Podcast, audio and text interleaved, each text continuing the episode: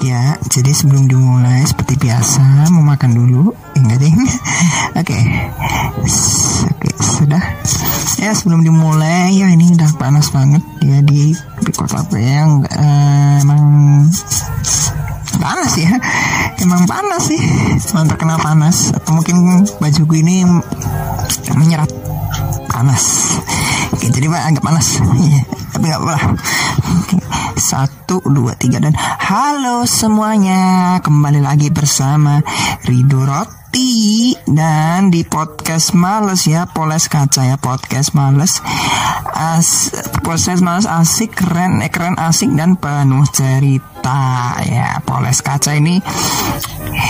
Uh, podcast yang paling nggak jelas nih ya. Kalau yang lain-lain podcastnya ada bahasan materi gitu dan ya banyak banget yang maksudnya nggak cuma ah astagfirullahaladzim ini jadi aku sambil sambil mainin ya teman-teman main game.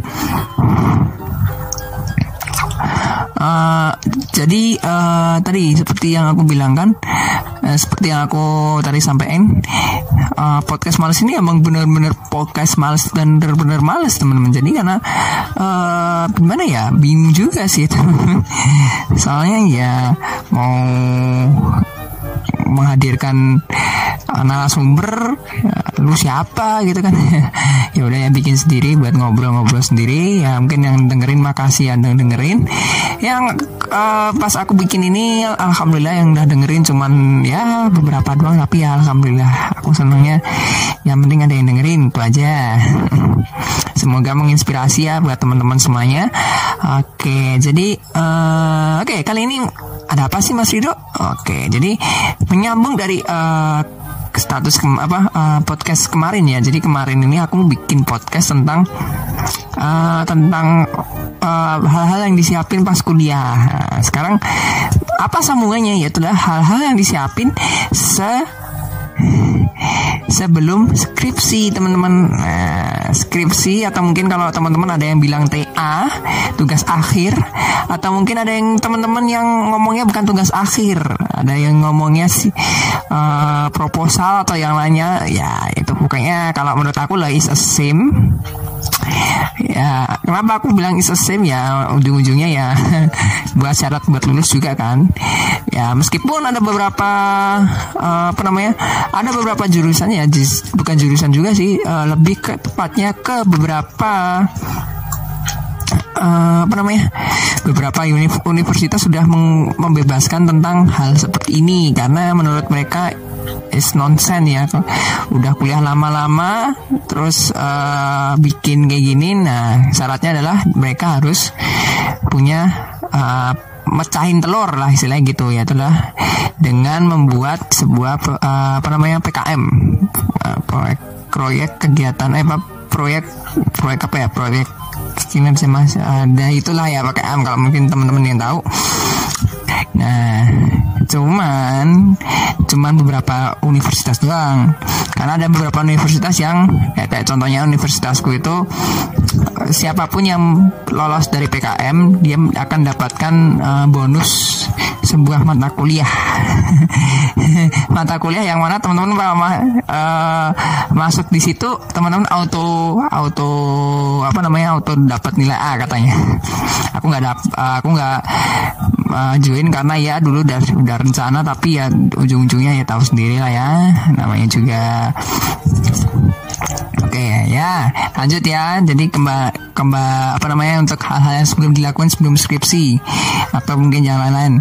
Nah ada uh, aku baca banyak hal gitu ya wah skripsi itu susah dan lain-lain. Nah jujur langsung aku bilang jujur aku nggak ngerasa itu bukan karena aku pinter bukan karena aku hebat bukan karena apa aku nggak ngerasa itu karena dari awal aku tuh di apa namanya dikasih ya awalnya gini aku cerita dulu ya aku cerita uh, mungkin ada podcastnya mungkin ya. Kalau mungkin teman-teman udah dengerin ya udah. Kalau belum dengerin aku mungkin ulang lagi Jadi ceritanya gini teman-teman, uh, aku kan nyari uh, dosen pembimbing yang satu topik sama yang aku pengenin. Ya, kebetulan topik aku itu tentang kriptografi yang aku pengenin. Nah kebetulan dosen ini dosen uh, ini kan aku jurusan matematika ya, jurusannya dosen aljabar. Dan kebetulan beliau ini juga uh, mendalami di bagian kriptografi kriptografi aljabar. Al, uh, lebih ke aljabarnya bukan ke kriptografinya. Ya alhasil uh, aku, uh, punya dosping beliau dan beliau ngasih banyak ya maksudnya ngasih beberapa yang salah satu salah banyaknya adalah uh, menggunakan kode-kode yang ada. Jadi literally kriptografinya bukan kriptografi yang dipelajari anak-anak in, in, in, informatika atau anak-anak komputer atau anak-anak yang pokoknya ngoding ya itu nggak di uh, justru nggak diajarin di situ malah di, diajarin yang hal lain ya itu adalah tentang membuat kriptografi dengan eh membuat uh, keamanan cyber security dengan cara lain. Ya, which is ini menggunakan dulu menggunakan sebuah kode jadi aku pakai teori coding di tempatku ya di matematika. Teori coding sama kriptografi di, dicampur menggunakan aljabar gila. Awalnya awalnya seperti teman-teman ya. Mungkin yang sekarang sekarang dan saat ini skripsi mungkin perasaannya sama aku waktu itu. Waduh ini gimana ya? Apakah aku bisa? Apakah anu? Karena emang benar-benar susah kan?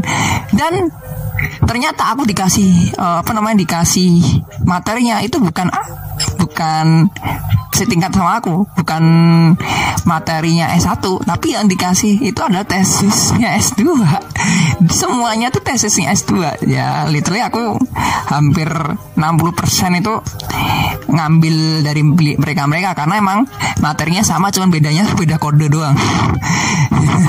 Cuman beda kode doang jadi senengnya di situ. Daripada nanti kan kalau misalkan persis kan dikira uh, menyontek atau japlak atau gimana kan ya.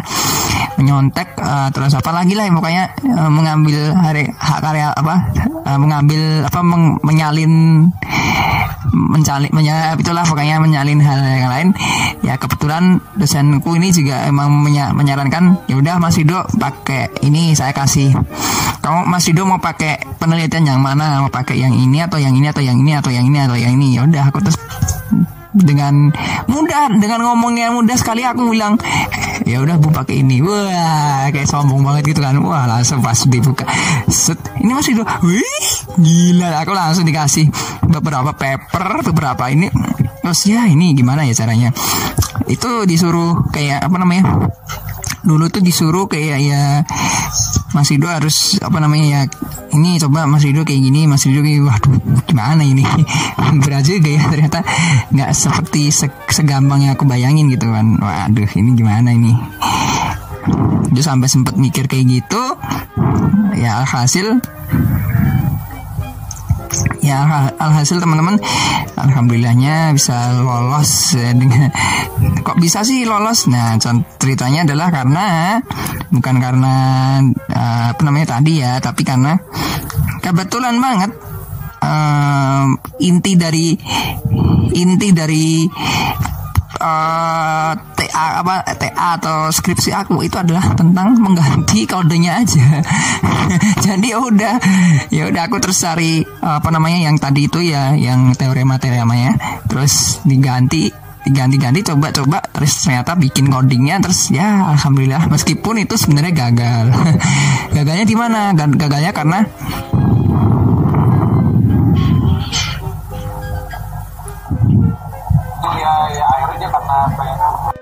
jadi gagalnya itu karena um, karena itu kan pakai harus pakai super komputer ya teman-teman. Karena kalau teman-teman tahu super komputer itu adalah uh, sebuah komputer yang pokoknya bisa pokoknya lebih dari uh, komputer yang teman-teman pakai. Itu biasanya dipakai buat uh, nyimpen data yang banyak banyak itu ya yang jibun-jibun kayak di Google di itu yang lain-lain lah istilahnya gitu kan ya. Nah itu pakainya super komputer teman-teman. Nah, terus nah apa? Ya ya udah kita harus pakai super komputer dan pada saat itu teknologinya belum ada. Ya itu aja sih. Gitu teman-teman. Jadi ya jadi gagalnya di situ. Ya meskipun gagal tapi nggak apa-apa sih. Dosen aku bahkan nawarin buat nggak lulus di Juli jadi nawarin buat Mas Rido tolong lulusnya uh, lulus mau lulus kapan? Sebenarnya dia mau nawarin kalau uh, aku jadi pembicara di banyak tempat jadi apa namanya jadi kayak uh, asdosnya beliau uh, asisten dosennya beliau gitu kan ya ya udah. Tapi aku nolak aja sih karena aku pengen lulus cepet aja daripada nanti. Kalau misalkan butuh apa-apa aku lebih lebih seneng bantuin dibandingkan uh, apa namanya ya kayak gitu. Meskipun dikasih duit kan kalau misalkan jadi pembicaraan gitu kan dikasih duit. Cuman ya aku bukan S2 juga. Ya itu aja sih ya. Oke itu sekilometer cerita-ceritanya kayak gitu. Oke jadi langsung kita masuk ya. Hal pertama yang kalian harus lakuin adalah kalian harus tahu jurusan teman-teman apa dan teman-teman pengen apa gitu aja udah dulu aku waktu masuk jurusan matematika ya kan oh ya aku pengen matematika tapi aku pengennya tentang bukan tentang matematika nih tapi tentang uh, apa namanya tentang uh, yang kompu tentang komputer lah istilah gitu. Yang tentang programming pada saat itu kan ya. Ya kebetulan gak ada jurusan yang sama ya. Jurusannya cuma ada apa uh, konsentrasinya ada dua teman-teman. Yaitu adalah konsentrasi di bidang apa nama konsentrasinya yang di jurusan eh salah satu konsentrasinya atau kelompok keilmuannya itu ada yang namanya uh, yang sesuai dengan apa yang aku inginkan ya itu adalah terapan sama yang aljabar kombinatorik kombinatorika yang ter, lebih te tepatnya. Di tempat aku ya kalau mungkin di, di di universitas lain beda mungkin ya. Di tempat aku seperti itu terus ya ya udahlah uh, uh, pengennya seperti itu sih ya. Mau nggak mau karena emang uh, ending-endingnya seperti itu ya ya udahlah ya nggak apa-apa lah Oke, jadi seperti itu. Nah, terus ya ya udah sih, nggak ada masalah lagi sih karena emang Ntar aku mau mikir uh, 1200 1280 gitu. Nah, karena ada jurusan itu ya udah kes akhirnya sama dosen ya ketemu sama beliau terus dikasih. Nih. Nah biasanya rata-rata itu teman-teman eh, beberapa orang tuh bingungnya di situ aduh apa ya pengen apa ya mau topiknya apa? Dan disuruh untuk uh, kayak apa namanya pro, ngajuin proposal dan lalala gitu kan ya. Nah ya itu tadi kamu pengen ngerjain apa? Udah gitu aja. Kalau aku langsung sikat pengen oh aku pengen ngejain ini. Tes udah langsung masuk. Langsung diambil uh, tak tak tak tak tak terus ya udah langsung dapat jadi uh, lebih ke situ teman-teman. Mungkin bedanya adalah aku dikasih materi ya kan? Enggak awalnya aku naik aku pas ngomong ke beliau ya uh, perkenalan ke beliau dan lain-lain tuh aku sempat ngomong aku pengen uh, materinya tentang ini bu. Ya udah terus beliau ngasih pilihan. Ini ini ini ini ini. Ya udah Mas Rido mau pilih yang mana? Kebetulan ya langsung aja. Dan beliau untungnya ada proyek di situ juga ya. Nggak proyek juga sih kayak uh, lat ya bukan latihan ya kayak ya dia mas ada ya kayak gitu di situnya. Jadi ya udah alhamdulillahnya di situ.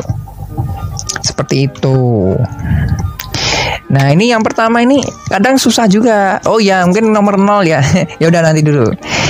Yang ini susahnya di situ. Kadang kita bingung. Waduh aku pengen apa ya, pengen apa, pengen apa. Tapi kita tuh nggak tahu sebenarnya kita tuh kuliah tuh ngapain. Kadang itu yang susah. Ya banyak tuh yang kayak gitu juga banyak. Jadi ya siap-siap aja teman-teman harus paham sama jurusan teman-teman sendiri. Nah sebelum itu teman-teman harus selesaiin syaratnya dulu. Biasanya ada syarat-syarat kan. Kalau tempat aku tuh syaratnya semua mata kuliah wajib tuh udah selesai. Itu syarat syarat paling utama. Selesai dan nggak nggak nggak ada yang ulang. Ada ada batas minimalnya. Jadi ya harus harus berusaha semaksimal mungkin biar bisa uh, lolos gitu. Dan bisa kalau pengen 4 tahun ya bisa itu yang pertama. Terus uh, lanjut uh, pilihlah dosen yang men, kamu bisa di, kamu bisa aja kerjasama. Dulu uh, aku ada, ada beberapa dosennya aku udah nggak pengen oh aku nggak pengen dosen ini aku nggak pengen dosen ini. Karena emang literally dosennya nggak emang nggak nggak enak kalau misalkan aku uh, kalau misalkan beliau dosen penguji atau mungkin dosen pembimbing aku kayak ngerasa nggak enak. Ya langsung aja aku aku nggak mau dosen ini sama ini aja udah. Kebetulan ya alhamdulillahnya uh, sama ya alhamdulillahnya sama beliau sama dosen pembimbingku dikasih Mas Rido pilih ini sama ini aja nggak apa-apa. Udah itu beliau juga sama-sama mendalami hal yang sama meskipun pendalamannya beda bukan di teori codingnya apa di kriptografinya seperti itu dan pastikan uh, teman-teman dosanya ini uh, apa namanya dosanya yang enggak mempersulit teman-teman. Biasanya kan dosen-dosen ada beberapa dosen yang banyak kan proyekan di luar. Nah, itu bahaya banget tuh. Apalagi teman-teman yang ngejar deadline pengen lulus cepat. Nah itu harus di, dilihat. Oh dosanya oh dosanya kayak gini oh dosanya gitu. Karena ada beberapa dosen kayak temen aku tuh seminimal minimalnya mereka itu lulus kalau sama dosen pembimbing itu seminimal minimalnya lulus Oktober. Itu paling minimal. Itu minimal loh ya bukan maksimal minimal. Oktober di tahun yang sama dengan yang uh, apa namanya yang cepet-cepet. Yang cepet-cepet tuh dulu uh, yang bener-bener pas ya itu di Juli. Uh, kebetulan yang Oktober tuh yang kelebihan setengah lah istilahnya gitu. Kebe nggak kelebihan setengah sih kelebihan empat bulan lah istilahnya gitu. Cuman nggak nggak nggak apa-apa sih kan nggak masalah. Karena dulu ada yang bilang mau lulus kapan pun yang penting kalau mau tujuannya mau kerja ya siap-siap kerja gitu aja gitu itu yang pertama untuk skripsi yang kedua Nah ini yang paling penting eh yang selanjutnya ya. Yang paling penting itu adalah teman-teman harus luangin waktu buat bimbingan. Dulu aku jujur aja, kesalahanku paling besar tuh adalah pas aku bimbingan tuh, ya udah aku bimbingan, ya seolah-olah aku kayak dikasih ke mata kuliah ya udah selesai. ya, harusnya aku setelah bimbingan tuh aku harus ngerjain. Oh ya udah, ya oh sepertinya gitu. Ya itu kesalahan aku waktu itu, jadi ya mungkin buat teman-teman jangan sampai kayak aku ya karena ya itu sebenarnya mempengaruhi banget teman-teman karena semakin ya karena kan harusnya kan kita teman-teman ya kita itu uh, harusnya kan uh, kalian sebagai mahasiswa akhir tingkat akhir itu yang pertama.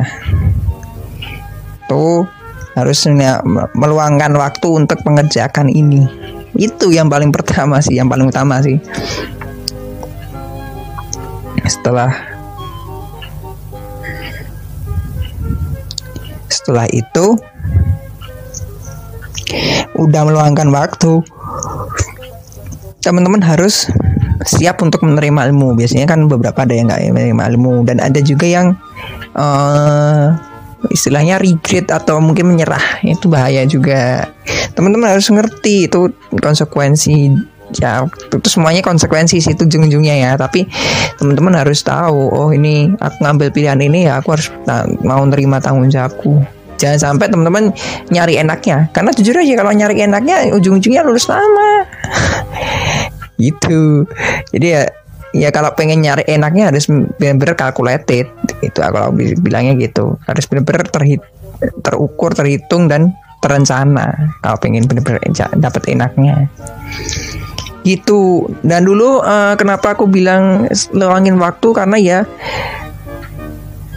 jujur biasanya tugas akhir skripsi atau yang lain-lain tuh ya itu biasanya uh, didapat dari ilmu yang teman-teman belum tentu dapat sebelumnya. Nah, itu bahayanya di situ. Kadang kan ya apa namanya karena ilmunya belum dapat ya ya udah kayak teman-teman kayak ya ya gitulah makanya tahu lah sendiri kan teman-teman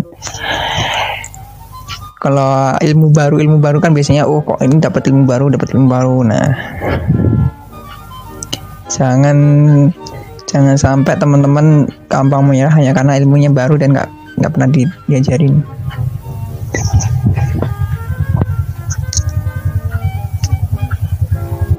Nah, lanjut nih. Uh, tadi udah ya uh, untuk dari step awal kita udah nanyain. Uh, biasanya kan ada dosen yang udah nawarin atau ada yang uh, teman-teman yang nyari dosen sesuai topik teman-teman pengennya apa.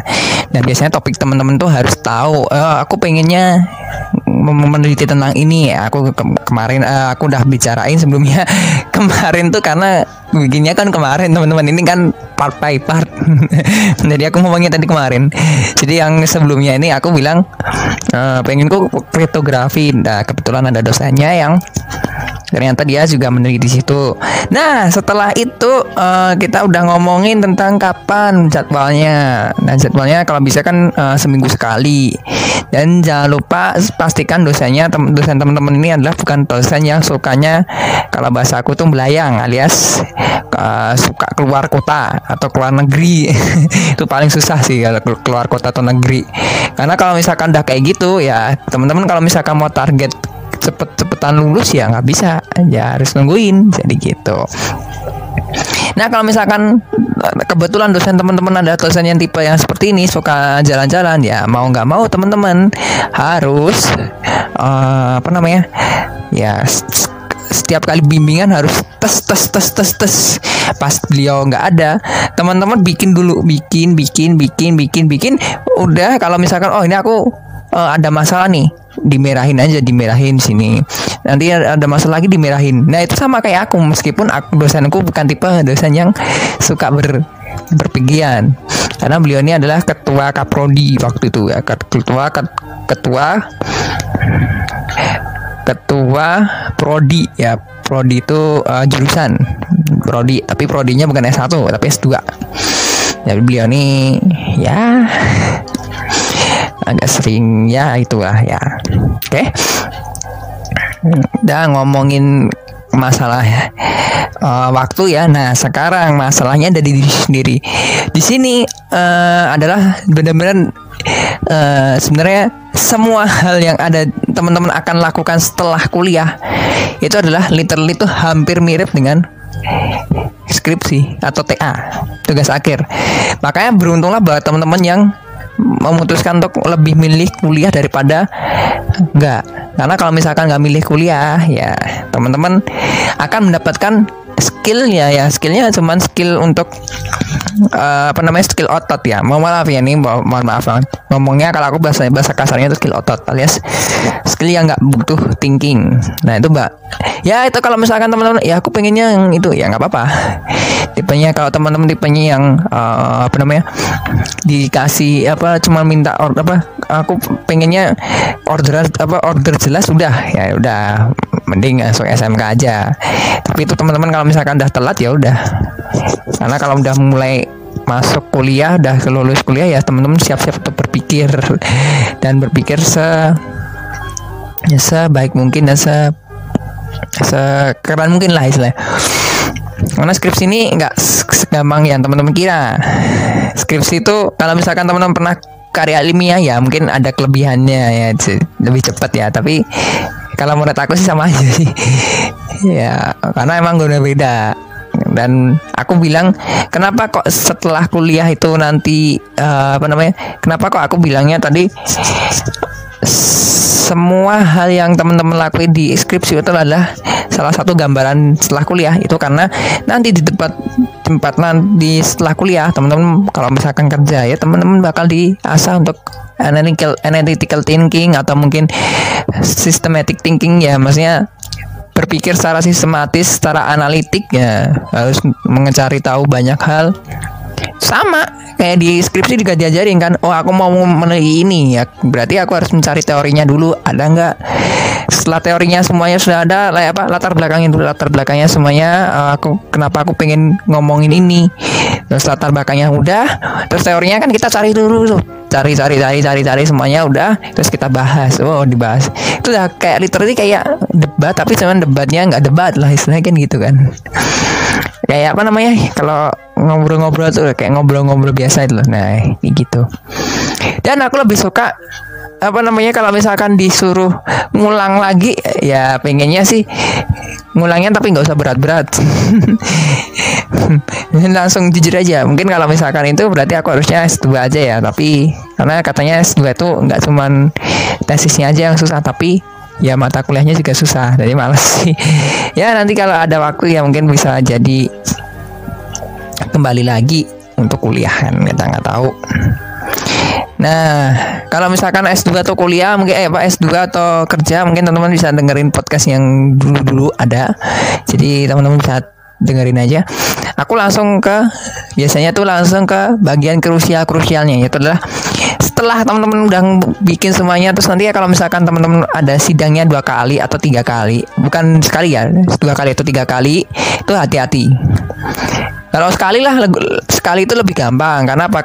Karena nanti biasanya tuh musuh besarnya adalah ketika teman-teman dah, wah, dua aku males ini udah mau ngerjain lagi. Nah, itu musuh besar. Tapi kalau misalkan dua kali, tiga kali, nah musuh besarnya bukan itu lagi. Itulah ketika teman-teman udah selesai di part pertama atau part keduanya. Wah, itu paling susah. Aku ngerasain ini dan uh, aku juga ngerasain gini dan kebetulan yang nge-encourage ini adalah teman aku yang kebetulan dilihatnya ada kedokteran. Halo teman aku SMA hmm. Dia ini ada uh, temanku ini ada kedokteran. Ya teman salah satu sahabat dekatku juga. Dan beliau tuh ngomong ke aku kan ngomong. Kan karena dia lulus uh, apa namanya dia lulus kebetulan lulusnya lebih dulu daripada aku jadi dia tiga setengah tahun lah istilahnya gitu. Tapi dia satu setengah tahunnya dia koas. Ceritanya gitu kan. Nah beliau ngomong. Dulu itu aku waktu seminar proposal dia ngomongnya seminar proposal ya. Kalau aku ngomongnya sidang atau seminar kalau punya aku. Ya istilahnya kayak pemaparan hasil kerja kalian yang pertama itu dia dia ngomong ya uh, aku tuh waktu pertama kali ya pertama kali seminar proposal tuh aku uh, habis itu aku udah mager. Magernya karena ya udah aku udah nggak ada kegiatan lagi. Ternyata enggak itu harus diperbaiki perbaiki lebih benar-benar ya tugas akad dua tuh yang lanjutin dan kebetulan dia di tengah jalan benar-benar udah males banget. Dan akhirnya ada satu momen di mana dia terus kayak wah aku harus ngerjain. Nah, terus dia ngomong ke itu ke aku wah ya bener tuh. Dan bener aku setelah sidang ya teman sidang pertama itu aku sempat off dari tugas akhir itu satu bulan benar-benar nggak nyentuh tugas akhir dan akhirnya nyentuh ketika dikasih tahu gitu. Dan kebetulan banget ya ya kodarullah ternyata motorku hilang juga. Udah udah sakit banget tuh udah udah semangat semangatnya terus akhirnya uh, udah semangat banget terus ya ada masalah juga dengan orang seseorang. Terus kebetulan banget motornya hilang kebetulan banget ngambil mata kuliah yang hidup dan mati. Ya udah itu udah berat banget dan akhirnya ya hampir sempet nangis juga di uh, salah satu sahabatku cewek ya, ya sahabatku cewek di kuliah. Dan aku ngomong aku kalau misalkan nggak lulus aku bingungnya aku kasihan orang tua aku masa nambah lagi? Ya, ya untungnya alhamdulillahnya pas langsung dikasih tahu. Dan itu nilainya bahkan nilainya tuh nggak nggak nyangka. Nggak nyangka apa ya pak? Kalau nggak ya pokoknya adalah ya. Pokoknya nggak nggak terlalu buruk nggak nggak minim apa nggak minimum batas minimum kok di atasnya lagi. Gitu. Jadi ya teman-teman harus cari apa yang membuat teman-teman semangat. Dan di sini teman-teman kalau misalkan udah berpikiran uh, ah ngapain sih bikin skripsi dan lain-lain? Aku langsung nanya ke kalian ngapain kamu kuliah? Uh, itu tanggung jawab sebenarnya itu bahaya. Nanti teman-teman bisa dengerin yang di amanah itu udah dijelasin. Salah satunya dah teman-teman kalau misalkan ujung-ujungnya nggak pengen lulus ya mending nggak usah kuliah. Karena emang tuh emang pada dasarnya itu bukan idealis ya ini udah faktanya ya udah jadi istilah apa ya kayak rahasia umum lah ya teman-teman kalau misalkan kuliah ya udah dapet sertifikat ya udah.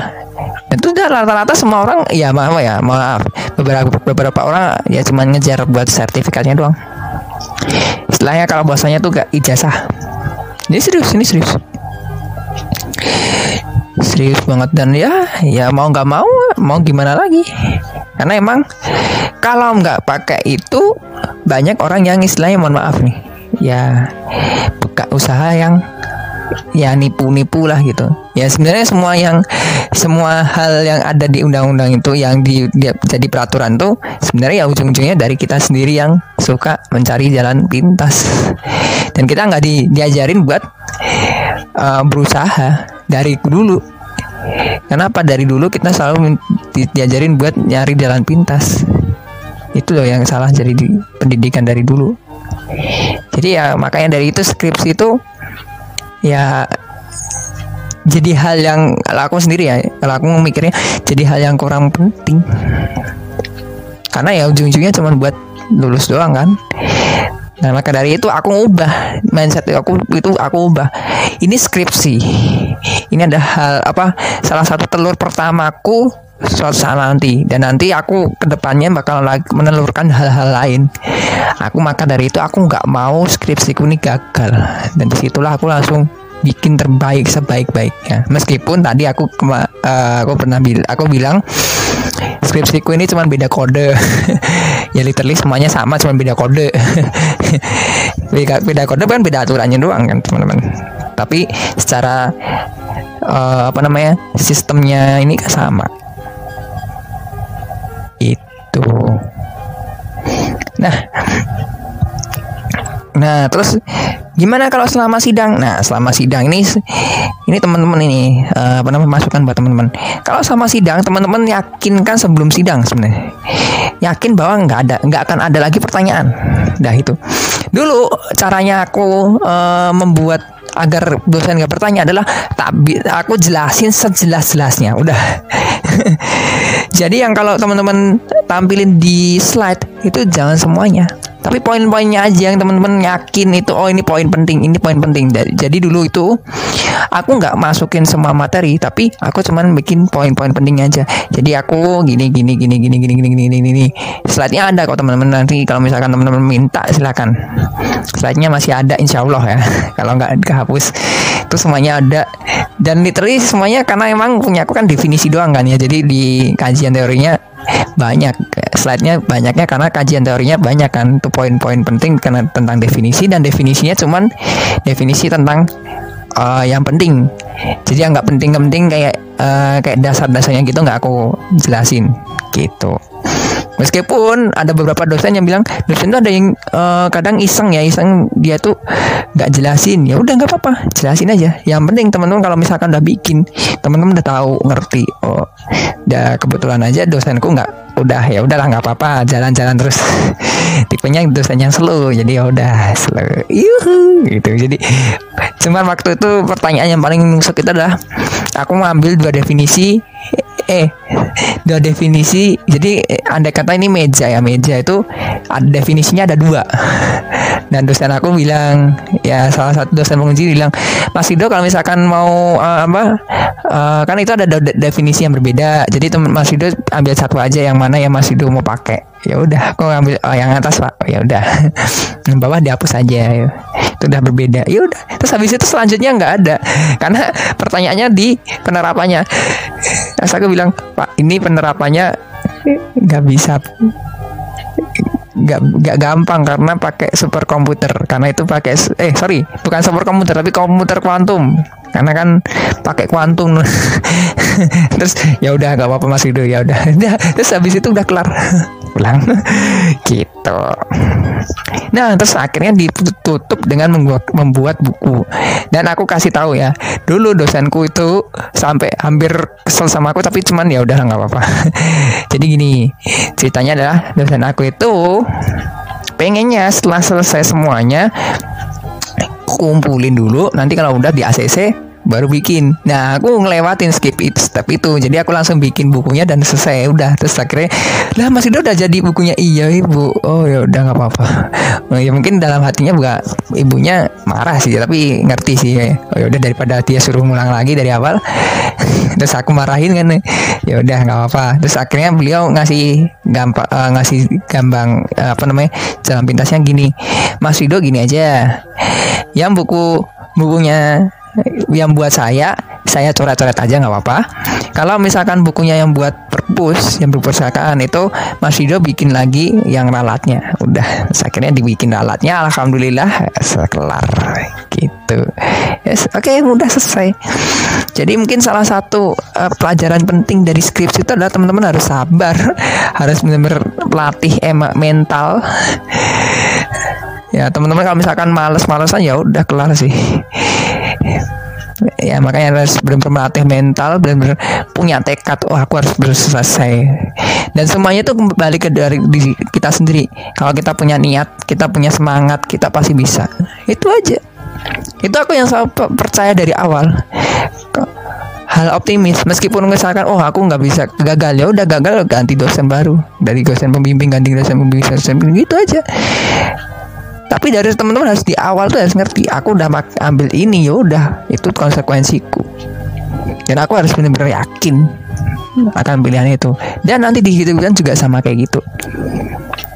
Ada banyak orang yang nanya ke aku kenapa Mas Rido kerja di kota kelahiran? Kenapa nggak di Jakarta atau Bandung? Aku jawab langsung kamu kalau ngitung-ngitungan secara value mungkin lebih gede di, di sana Jakarta Bandung. Tapi kalau secara effort lebih gede di sini karena kamu nggak ngeluarin apa-apa. Aku bilang gitu. Aku lebih baik ngeluarin effort kecil tapi dapetin keuntungan gede daripada ngeluarin effort gede. Tapi aku nggak dapet keuntungan sama sekali dan aku udah ngitung. Kalau di Jakarta mohon maaf ya teman-teman yang Jakarta mungkin udah ngerti. Yang perantau ini ya. Aku udah ngitung di Jakarta ya. Hidup di Jakarta itu minimal empat setengah juta. Kalau dapat kosannya kosannya yang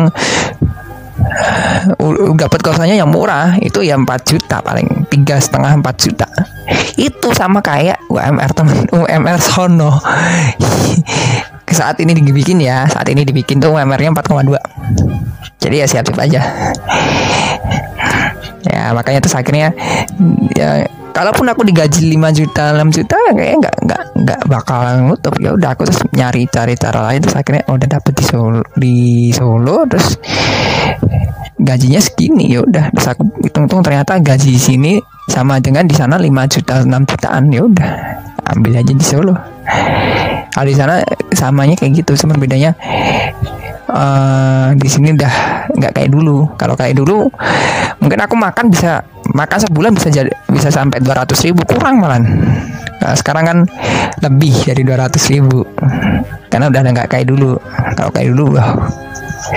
gitu Nah, udah itu aja teman-teman.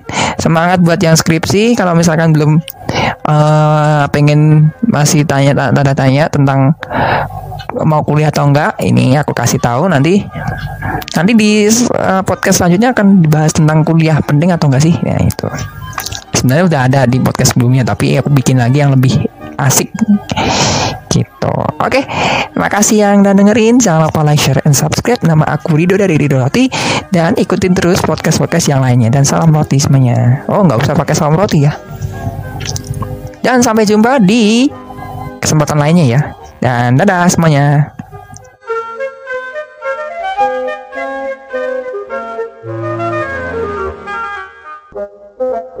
Thank you.